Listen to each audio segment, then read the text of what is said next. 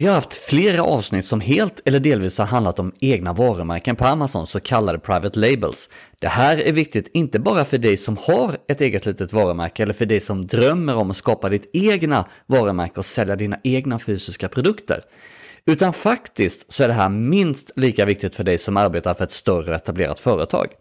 Varför? Jo, 60% av all försäljning på Amazon kommer från mindre företag och därför finns det också väldigt mycket att lära från små private labels, även om man är ett välkänt varumärke. I dagens avsnitt så kommer vi lära från framgångar och misstag från en resa med ett litet eget varumärke på Amazon som jag hade tillsammans med en vän. Vi gjorde väldigt mycket rätt, men också en del misstag.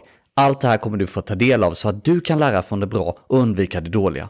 För dig som drömmer att vara din egen, att vara en lifestyle entreprenör eller livsstilsentreprenör som det heter på svenska, även känd som digital nomad, där du själv bestämmer när du ska jobba, varifrån du ska jobba, hur mycket du ska jobba, ja då ska du lyssna extra noga, för det finns många läxor och lärdomar i det här avsnittet.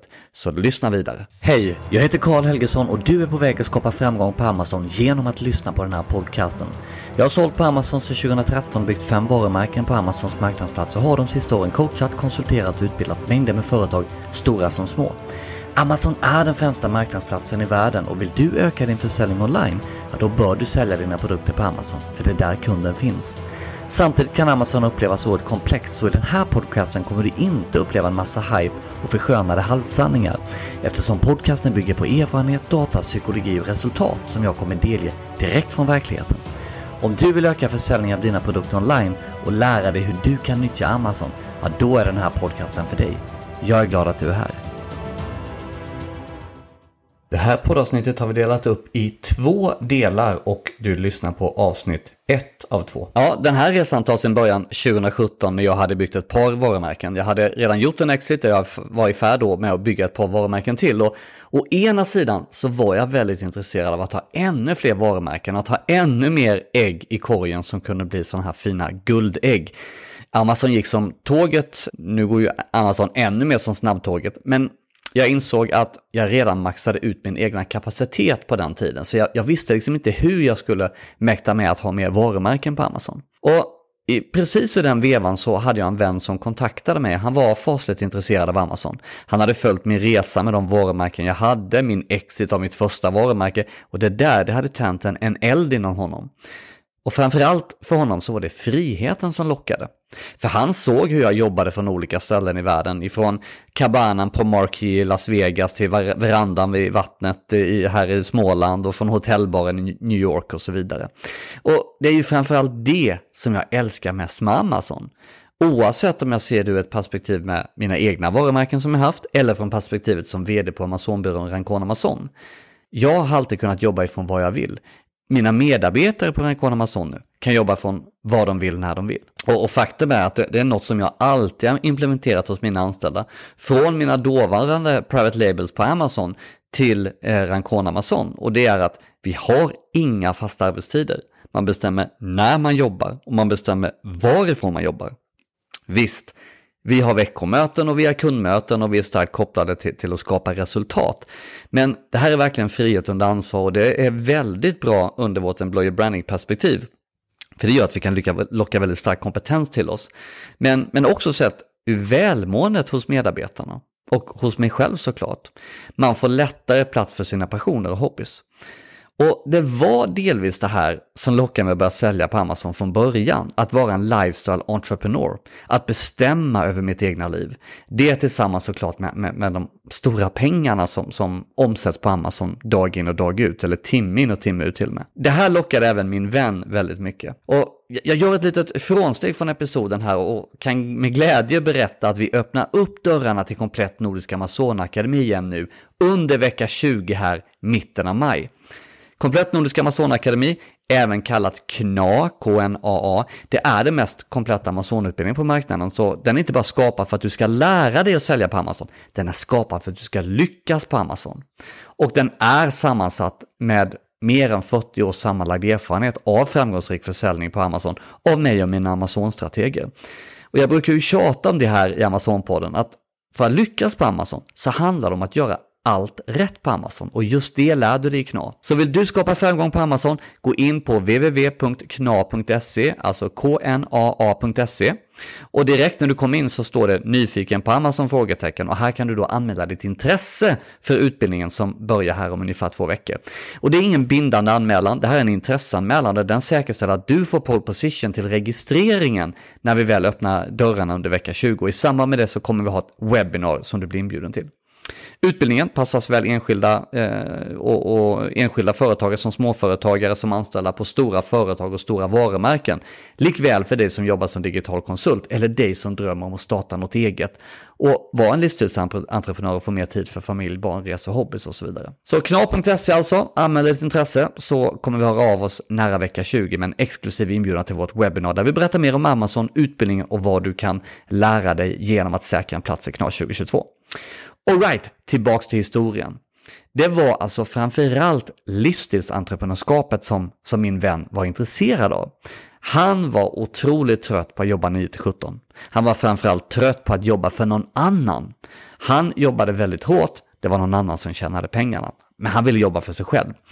Han var, ska jag säga vid det här tillfället, ganska less i allmänhet. Han kände sig på gränsen till deprimerad, men fördelen var i de diskussioner vi hade, det var att han ville ju ta tag i sitt liv. Han ville göra ett skifte. Och i de diskussionerna som vi hade så ville han helst att vi skulle göra det ihop. Jag såg att ja, ska jag starta ytterligare ett varumärke och jobba operativt även i det så skulle jag sträcka mig alldeles för tunn eh, genom det här. Så att det var då vi fick idén. Jag skulle gå in med min kompetens, jag skulle gå in med strategierna på Amazon, alltså Amazon-strategierna. Lite kanske som en styrelsemedlem eller en mentor, rådgivare. Och min vän skulle gå in med kapitalet och han skulle göra det operativa. Så sagt och gjort, vi kom överens, vi skrev kontrakt, vi satte spaden i marken. Eller ja, rättare sagt fingrarna på tangentbordet får man säga när man jobbar eh, med Amazon.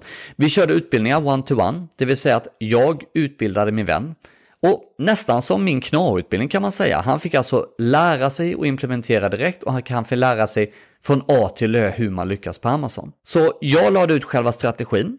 Vi gick igenom den.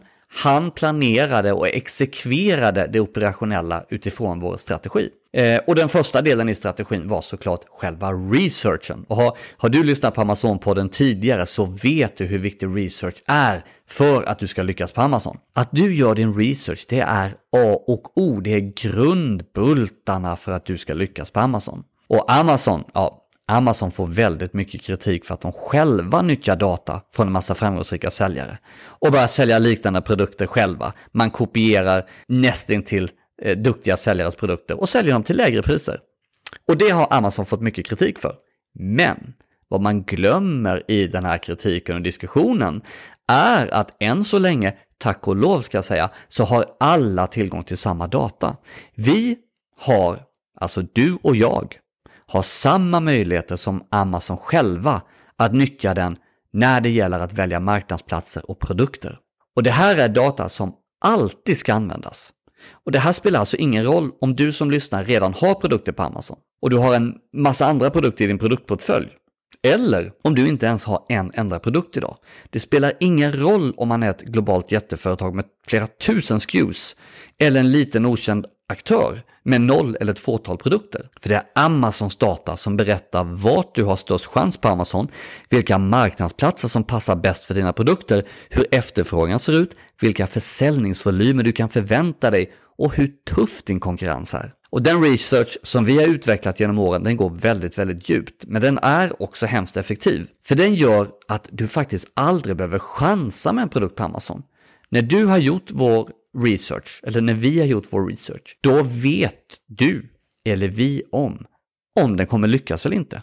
Så enkelt är det, för att vi går så djupt. Och på det sättet, det är det som är så otroligt bra, behöver vi aldrig chansa när vi lägger upp produkter på Amazon. Så min vän satte igång researcharbetet och han gjorde ett enastående researcharbete utefter jag hade utbildat honom till. Det första som vi la fokus på det var själva produktkategorierna. Eh, och den strategi jag hade förmedlat var att jag ville att vi skulle kolla på små obskyra produktkategorier. Varför små, obskyra och konstiga produktkategorier kanske du undrar? Jo, för att där är konkurrensen oerhört låg. Visst, sen är det ju så är det en väldigt liten nisch, är det en väldigt konstig produktkategori om man får säga så, så är såklart försäljningen lägre jämfört med andra traditionella och mer vanliga produktkategorier. Men låg konkurrens på Amazon min vän, det är mumma. Och ja, det var ett sammelsurium av märkliga obskyra produktkategorier som min vän presenterade för mig. Det var en viss typ av sydtillbehör som jag aldrig hade hört talas om och inte ens visste fanns. Det var alltså någon form av hantverk, men det hade väldigt fina omsättningssiffror. Det var en viss typ av figurer, någon form av konst. De var lite åt det smått erotiska hållet, om ändå ganska oskyldigt. Men det var också en nisch på Amazon. Det var toalettillbehör, det var öl och vintillverkningsprodukter och så var det en viss typ av eh, produkter inom bilsegmentet eller automotive som det kallas på Amazon. Och det var några av dem jag kommer på så här på rak arm, för jag vet att han hade en, en, en gedigen presentation för mig när han hade gått igenom researchen. Det jag gillade var att min vän hade gjort researchen väldigt grundligt, han hade gjort den väldigt bra. Alla de här produktkategorierna hade en väldigt fin potential. Det var en bra försäljning, det var en låg, i alla fall relativt låg konkurrens och det var en okej okay efterfrågan. Och i slutändan så handlade det om toalettillbehören och det var de här produkterna inom bilsegmentet. De två kategorierna, det var där vi såg väldigt stor potential. För just inom det här produktsegmenten, då fanns det egentligen knappt ett enda private label, alltså inte ett enda eget okänt varumärke. Det fanns nästan bara stora välkända varumärken. Men oj, hold your horses, säger du nu kanske. Man vill väl inte in och kriga mot stora kända varumärken? Jag har hört på YouTube att man inte ska sälja produkter inom ett produktsegment på Amazon om det är massa kända varumärken där. Alright, det här talar en väldig massa gurus om. Gå inte in eh, och, och, och, kriga där det är fullt av världskända varumärken om du inte är lika känd själv. Ja, men då ska vi döda den här myten här och nu. Och det jag säger nu, det är oerhört viktigt. Och det här, återigen, det här spelar ingen roll om du är en egen företagare med ditt lilla, kanske nästan till helt okända varumärke, eller om du representerar en global jätte. För lyssna på det här. Varumärken i sig spelar nästan ingen roll på Amazon. Det är din position som spelar roll. Jag säger det här igen för det är så otroligt viktigt. Jag vill att du lägger det här på näthinnan. Eller vad säger man, in i dina öron i alla fall och upp i hjärnan. Varumärken, det är inte viktigt på Amazon. Det är din positionering som är det viktigaste. Och här har framförallt du som representerar ett stort varumärke mycket av att lära det här. För Amazon-kundens sökningar, när de ska köpa en viss produkt, så söker de 80% på direkt produktrelaterade sökord och inte varumärket, även om kunden har ett visst varumärke i åtanke när, när hen söker efter en produkt. Så säg så här att kunden ska köpa en, en gympasko och man vill, kunden vill köpa Nike och så söker kunden efter gympasko. Och Nike finns inte på sidan 1 och kunden kanske går till sidan 2 och 3 och Nike inte finns där heller. Ja, då kommer kunden med största sannolikhet köpa ett annat varumärke som ligger på någon av de här sidorna. Så det är otroligt viktigt. Så tänk på det mina vänner. Att vara stor på Amazon, att vara stor och känd, det spelar absolut ingen roll alls.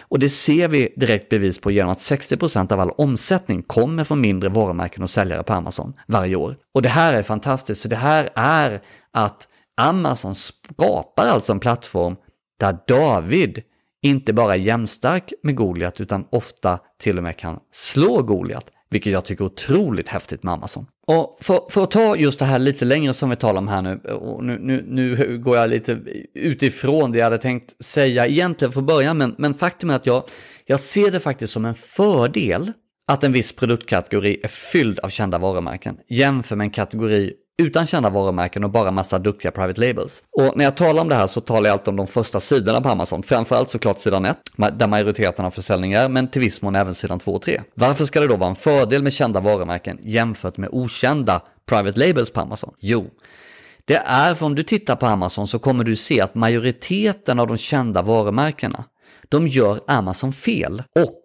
tittar du på de små varumärkena, majoriteten av de okända varumärkena gör Amazon rätt. Och tittar vi på de här okända varumärkena, så kallade private labels, så gör de rätt i allt från research till att skapa listings, till SEO, eh, ranking, optimering och stora välkända varumärken not so much. Det är alltså generellt mycket tuffare att konkurrera mot okända varumärken jämfört med att konkurrera med stora, eh, stora väletablerade och även världskända företag. Okej, okay, tillbaks till min väns research. Okej, okay, de två produktkategorierna som vi valde att djupdyka i då, det var just de här toalettillbehören och produkterna inom bilsegmentet. Ja, det kanske inte låter jätteroligt, men för oss handlar det ju om data. Vad är det som säljer mest? Jag är inte speciellt bilintresserad, även om jag gillar att köra en fin bil. Och jag är definitivt inte speciellt toalettillbehörsintresserad heller. Eh, men det handlar ju inte om var min passion ligger egentligen, utan det handlar om vad kan jag göra bäst business? Och det är ju det som Amazons data berättar för mig. Min vän fick då tre direktiv för att bena ut vilken av produktkategorierna som var den stora vinnaren. Nummer ett var att researcha och bedöma vilken eller vilka marknadsplatser som hade mest potential att lansera på, det vill säga i vilket land där Amazon etablerat skulle vi ha störst potential med de här olika eh, segmenten. Nummer två var, ja det var då att bedöma konkurrensen. Konkurrensen på ett, vad ska man säga, djupare plan. För tillsammans med efterfrågan och, och försäljningsvolymer kan man då hitta konkurrensen och även också med den här datan hitta en sweet spot för din prisbild. Och det här kommer också hjälpa till, hur snabbt kan vi komma till sidan 1 på de viktiga sökorden?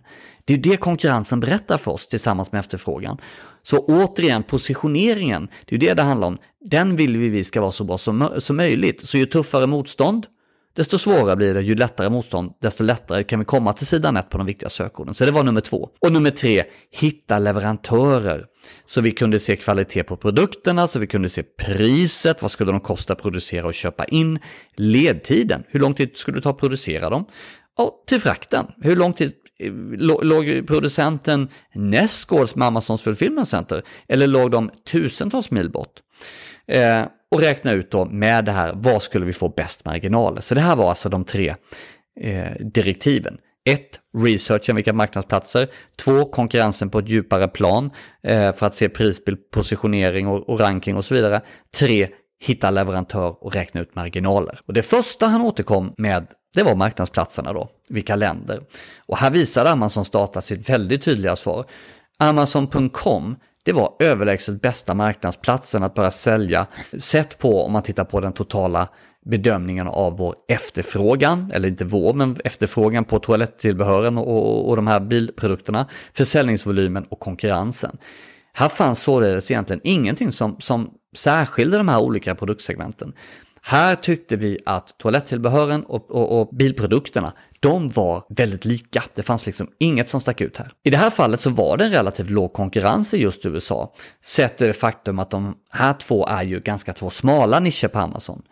Men också det faktum att det var väldigt många välkända varumärken i de här två nischerna. Och det var såklart ännu lägre konkurrens då på Amazon UK, Amazon Tyskland jämfört med USA. Men försäljningsvolymerna var förvånansvärt höga i de här två kategorierna på Amazon.com i USA i förhållande till efterfrågan. Och det var det som fällde avgörandet.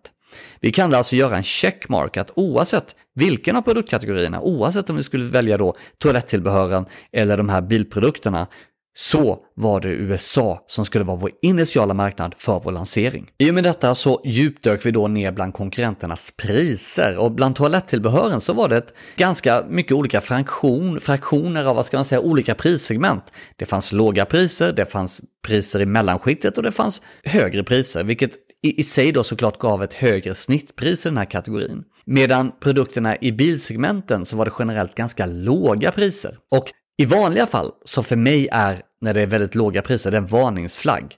För jag är definitivt inte ett fan av att priskriga för att kunna hävda mig på Amazon. Men det som var intressant här då, normalt sett hade jag tyckt att ja, det är mycket olika prissegmentering. Det finns lågt, mellanskikte och ett högt skikte och oftast vill jag ju vara såklart i det höga skiktet. Men det som var intressant med bilprodukterna, toalettillbehören var segmenterat, toalettillbehören var inte segmenterat. Det fanns egentligen ingen prissegmentering alls. Det var väldigt slätstruket. Det fanns ingenting som stack ut. Allting var billigt. Alla låg på ungefär samma pris. Och det gillar jag. För det är väldigt viktigt att sticka ut på Amazon. Och att ett sätt såklart att sticka ut i en produktkategori på Amazon, där det alltjämt är låga priser och ingen har ett pris som drar iväg, ja men det är ju såklart att sticka ut och ha ett väldigt högt pris. För helt plötsligt så kan du marknadsföra dig som en premiumprodukt bland lågprisprodukter.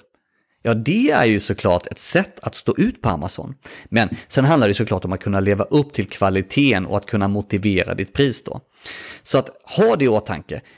Det är otroligt intressant när du hittar en nisch där du har låga priser, du har priser i mellanskiktet och du har väldigt höga priser. För det blir lätt för dig att kunna landa ut efter din marginal, vilket pris du ska sätta, sätta själv.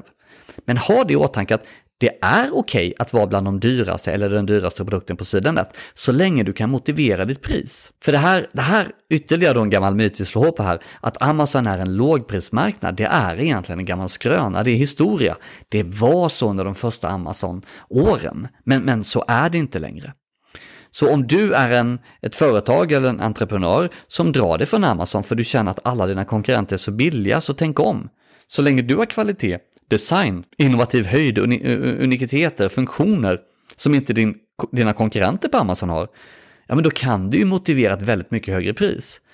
Så ibland också ska du veta att det räcker att bara ha en väldigt mycket bättre listing för att kunna motivera ett högre pris, förutsatt att dina konkurrenter som har låga priser har väldigt dåliga listings. Så det här var ju då tyckte vi en fördel för produkterna i bilsegmentet. Vi kunde lättare i toalettillbehören passa in ett pris som skulle funka bra för oss, men genom att vara dyr i bilsegmentet så skulle vi stå ut som en, en, en, en fyr i natten nästan. För jag, jag kommer inte ihåg exakt, men, men, nästan alla de andra produkterna låg mellan 7 och 9 dollar och så vidare. Det fanns ingen som låg över 10 tror jag. Eh, och, och sen så slutade det att vi låg runt 20 dollar, så vi var alltså mer än dubbelt så dyra. Så otroligt intressant. Då kom vi in på det här med ranking och när vi jämförde då möjligheten att snabbt ranka produkterna och ta position på sidan 1 på stora, viktiga och relevanta sökord, ja då var det relativt jämnt skägg här. Både toalettillbehören och bilprodukterna hade flera goda sökord med många sökningar och relativt låg konkurrens. Så oavsett vilken produkt vi valde så kände vi oss också komfortabla med att ranka upp våra produkter på sidan 1 för att snabbt skapa organisk försäljning. Så, så långt så var det alltså produkterna i bilsegmentet som hade lite fördel just på grund av att här såg att vi kunde sticka ut då i det här låga prissegmentet med lite högre priser. Okej, det som återstår då det var ju såklart våra producenter eller våra leverantörer. Och att som eget varumärke hitta en pålitlig leverantör som producerar med kvalitet, som är lyhörd för din feedback, hur du vill påverka eller utveckla produkten, som du kan förhandla acceptabla priser med, som håller sina deadlines. Ja, det, det är otroligt viktigt. Det kan vara svårt också. Här har vi en process som, som jag såg till att min vän fick, fick implementera. Och en annan faktor som idag efter pandemier och, och, och fraktproblem världen över, som, som är mycket mer påverkande idag kanske än, än det var då när jag och min vän skapade det här varumärket, det är såklart närheten till marknaden för producenten. Att snabbt kunna fylla på sitt lager eh, till Amazons eh, fulfillment center, ja det är jätteviktigt. För det gör att du dels kan säkerställa att du inte säljer slut och dels att du kan ha en bättre turnaround på Amazons lager, det vill säga att du säljer dina produkter snabbt och fyller på snabbt. Och jag har tjatat om det här, det finns ett avsnitt på Amazon-podden som handlar om just lagerhållningen. Varför du inte får sälja slut, varför du måste ha en snabb turnaround på Amazons lager och så vidare.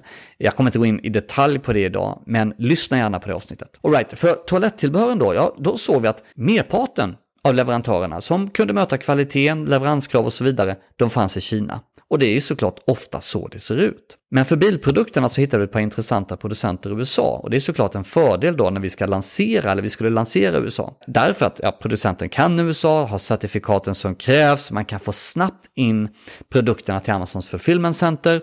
Ligger de i samma land eller till och med kanske då i samma som det var i USA, då, samma stat, ja, men då kan du få in dem på, på en eller ett par dagar på Amazon, vilket såklart var en fördel då. Men ibland är det inte en fördel att ha producenten i USA om man ska lansera vidare på Amazon Europa. I många fall, och egentligen beroende på vad du har för typ av produkt, till exempel produkter med kemikalier i, kosttillskott, hudvård och så vidare, då ibland blir man nästan nödgad att ha två olika producenter, en i USA och en i Europa, på grund av de olika regelverken som skiljer mellan USA och vad som är godkänt i EU. Så att en producent i USA eh, är oftast godkänd av allt som krävs i USA, men det är den inte i Europa och vice versa. Så att ha två olika producenter då, det har vi provat tidigare, det kan vara lite stökigt med risk för olika kvalitet på olika marknader. Alltså en batchen i USA håller en kvalitet, batchen i Europa en annan. Det är absolut hanterbart, det slukar lite mer tid, man måste vara lite mer noggrann. Det som gjorde att en av de här producenterna vi tittade på för bilprodukterna, som gjorde den, jag ska säga verkligen superintressant, det var att den här producenten hade fabriker och produktion i både USA och Europa. Och det gav ju ytterligare en fördel när det gällde just tillverkaren för bilprodukterna. Dels närheten till Amazon i USA där vi skulle lansera, det vill säga att vi kunde snabbt få in produkter när vi skulle lansera, vi skulle snabbt kunna fylla på produkter på Amazons lager, men också det faktum att de hade fabriker även i Europa. Eh, med, med, så, så de kunde alltså garantera samma kvalitet plus Ja, då behövde vi såklart inte producera i USA, frakta produkterna över Atlanten till, till Europa, utan vi kunde för Europalanseringen då, som vi hade i våra planer längre fram, producera i Europa och lansera där. Smart. Så slutligen då blev det dags för matte och kalkyler. Och slutligen då så blev det såklart dags för matte och kalkyler, marginalen såklart. Och även här så blev det ruskigt jämnt. Visst, Kina ska vi inte sticka under stol med var väldigt mycket billigare sett ur ett produktionsperspektiv av produkterna. Men där tillkom ju också frakten från Kina till USA. Medan producenterna i USA, ja, de var lite dyrare när det gällde produktionen av produkter. Men frakten till USA blir ju marginell där, för där skulle ju Amazon med deras um, Amazon uh, Carrier Program hämta upp produkterna på, hos vår leverantör och ta dem till Amazon, vilket liksom, ja, det, det är superbilligt. Så ja, nu hade vi väldigt mycket jämnt skägg här. Vi hade lite fördelar på bilprodukterna mot toalettillbehören. Att det som till slut gjorde då att vi valde bilprodukterna, det var dels att alla konkurrenter var billiga. Det fanns inga produkter som stod ut med ett högre pris, vilket vi skulle göra med vår bilprodukt som vi planerade. Men också det faktum då såklart att producenten låg i USA, vi skulle lansera i USA och det var alltså nära till marknaden och vi behövde inte bekymra oss egentligen av att sälja slut på lagret. Plus att vi egentligen bara med ett enkelt e-mail skulle kunna starta produktionen i Europa för lansering på Amazon Europa av samma typ av produkter. Och det såklart fällde, eh, fällde, eh, fällde avgörandet. Okej, okay, så vi hade vilken typ av produkt vi skulle köra, det vill säga de här bilprodukterna. Vi hade marknadsplatsen klar för oss där vi skulle lansera, Amazon.com i USA. Vi hade leverantören klar. Så nu tog min vän tag i nästa viktiga del och det är paketeringen. Och har du lyssnat på Amazon-podden tidigare, då vet du att jag har talat om vikten av just paketering. Det här är någonting jag brinner för. För en bra paketering kan ge din Amazon-business flera extra dimensioner. Du kommer kunna stå ut mer på Amazon. Du kan få mer och bättre reviews, du kan minimera de kunder som känner sig tveksamma efter köpet och därmed få ner dina returer. Och du kan skapa mer försäljning och bygga ut dina egna e-maillistor. Så om du lyssnar just nu, för allt i världen, vill du skaffa dig pole position på Amazon, glöm inte bort den viktiga förpackningen. Min vän och jag, vi hade lite tur här. producenterna producenten av, av, av, de här produkterna som vi skulle göra för bilarna, de samarbetade nära med två olika förpackningsproducenter. Så vi, vi jobbade med dem, framförallt då min vän jobbade med dem, och tillsammans med en superduktig designer som jag hade jobbat med mina tidiga varumärken som jag kopplade in i det här projektet, så fick vi fram en riktigt cool, en riktigt nydanande förpackning inom just det här bilproduktsegmentet. Och det här var en förpackning, den var helt olik de andra produkternas förpackningar som såldes på Amazon. Om de ens hade några av alla produkterna på sidan 1 på de vanligaste sökorden så var det egentligen bara en handfull som hade förpackning och det var ganska sedvanliga tråkiga kartonger om man säger. Vår förpackning stod ut rent designmässigt och visuellt. Alltså om, om, om du sökte på den här typen av sökord som var kopplat till de här bilprodukterna och du skulle se vår produkt Alltså du hade inte sett något annat på Amazon. Ditt öga hade dragits direkt till vår produkt. Den stod sig högt ur miljö och recyclingsynpunkt och den hade bra utrymme för merförsäljning och inserts. Och det här har vi ytterligare en sak. Tänk på det att vi skulle lansera en produkt i ett lågprissegment där alla priser var ungefär samma, ganska låga, våra priser skulle vara ungefär dubbelt så dyra, dubbelt så höga. Ja, då gäller det att stå ut. Det är ju jätteviktigt. Och bara förpackningen här andades ju mycket mer kvalitet, design, innovativ höjd och så vidare jämfört med de andra, ja, om man får säga väldigt tråkiga produkterna man kunde se på Amazon. Så produktionen av våra produkter, våra förpackningar, den var igång. Och det här var, det var spännande tider. Min vän, han var otroligt nervös. Det var nästan så han satt och svettades i, i mötena vi hade. Men jag däremot, jag var faktiskt inte nervös alls. Jag var bara exalterad. Och varför? Det kanske låter konstigt att en av oss var så nervös och, och, och jag inte. Men det var just att baserat på den här researchen vi hade gjort så visste jag att vi skulle lyckas med produkterna. Jag var 100% säker. Och återigen, det går tillbaka till att göra researchen rätt på Amazon. Om du gör den 100% rätt och gör precis som vi har gjort, alltså att du, du verkligen går på djupet och ser till att du, du tar alla kundernas svagdelar, och gör till dina styrkor och står ut på Amazon. Ja, men har du gjort all research rätt och sen såklart se till att ta fram eller göra din produkt som du redan har så att den står ut så pass mycket på Amazon och kommer vara så konkurrenskraftig, då kommer du lyckas. Och det var jag i i det här fallet också. 100% säker på att det skulle lyckas. Det här var avsnitt 1 av 2 när det gäller den här spännande Amazonresan. Så om ett par dagar så kommer vi släppa del 2 av 2 när du får höra slutet på hur det gick eh, med min och min väns spännande varumärke på Amazon. Så stay tuned! Tack för att du lyssnade på hela podcasten. Om du är en person som gillar att hjälpa andra så dela det här avsnittet med din familj, vänner och kollegor. Om du känner att det du lyssnat på är av värde, ja då kommer garanterat de du känner uppleva likadant. Så dela det avsnittet genom dina sociala mediekanaler. Har du frågor om Amazon som du vill att jag tar upp i podden? Ja, mejla det då till karl.karlhelgesson.com, alltså karl.karlhelgesson.com, så kanske jag använder just dina frågeställningar till de kommande avsnitten. Och skulle du vilja connecta lite närmare med mig och få regelbundna tips så kan du alltid prenumerera på mitt nyhetsbrev Veckans Amazon-tips och du kan registrera dig på bit.ly amz-tips, alltså bit.ly amz-tips. Och slutligen, jag tror på att ju mer man ger, desto mer får man och att vi tillsammans kan hjälpa fler människor och företag att bli framgångsrika. Därför skulle jag bli oerhört tacksam om du vill ge min podcast en review och gärna en väldigt bra review såklart. För ju mer spridning och ju mer reviews som Nordisk Amazonakademi får, desto mer människor och företag kan vi faktiskt hjälpa att lyckas på Amazon. Tack så mycket för att du lyssnade!